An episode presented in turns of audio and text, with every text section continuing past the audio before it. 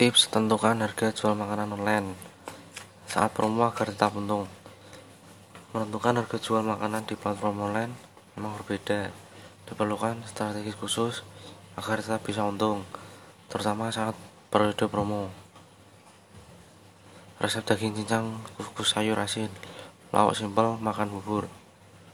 Resep enoki bumbu mie nyemek bisa jadi lauk untuk makanan diet karbohidrat. Resep pokcoy siram 3 jamur ala restoran Chinese food. Cara mencegah agar makanan cepat saji tidak cepat membusuk. 5 makanan yang dapat meningkatkan imun penderita diabetes. Sangat penting bagi penderita diabetes untuk meningkatkan imun tubuh dengan mengelola stres tidur cukup dan mengonsumsi makanan sehat dukung PPKM darurat GoFood siapkan promo layanan pesan antar Beragam promo akan diberikan GoFood dalam rangka meningkatkan pemesanan pemakanan online selama PPKM darurat.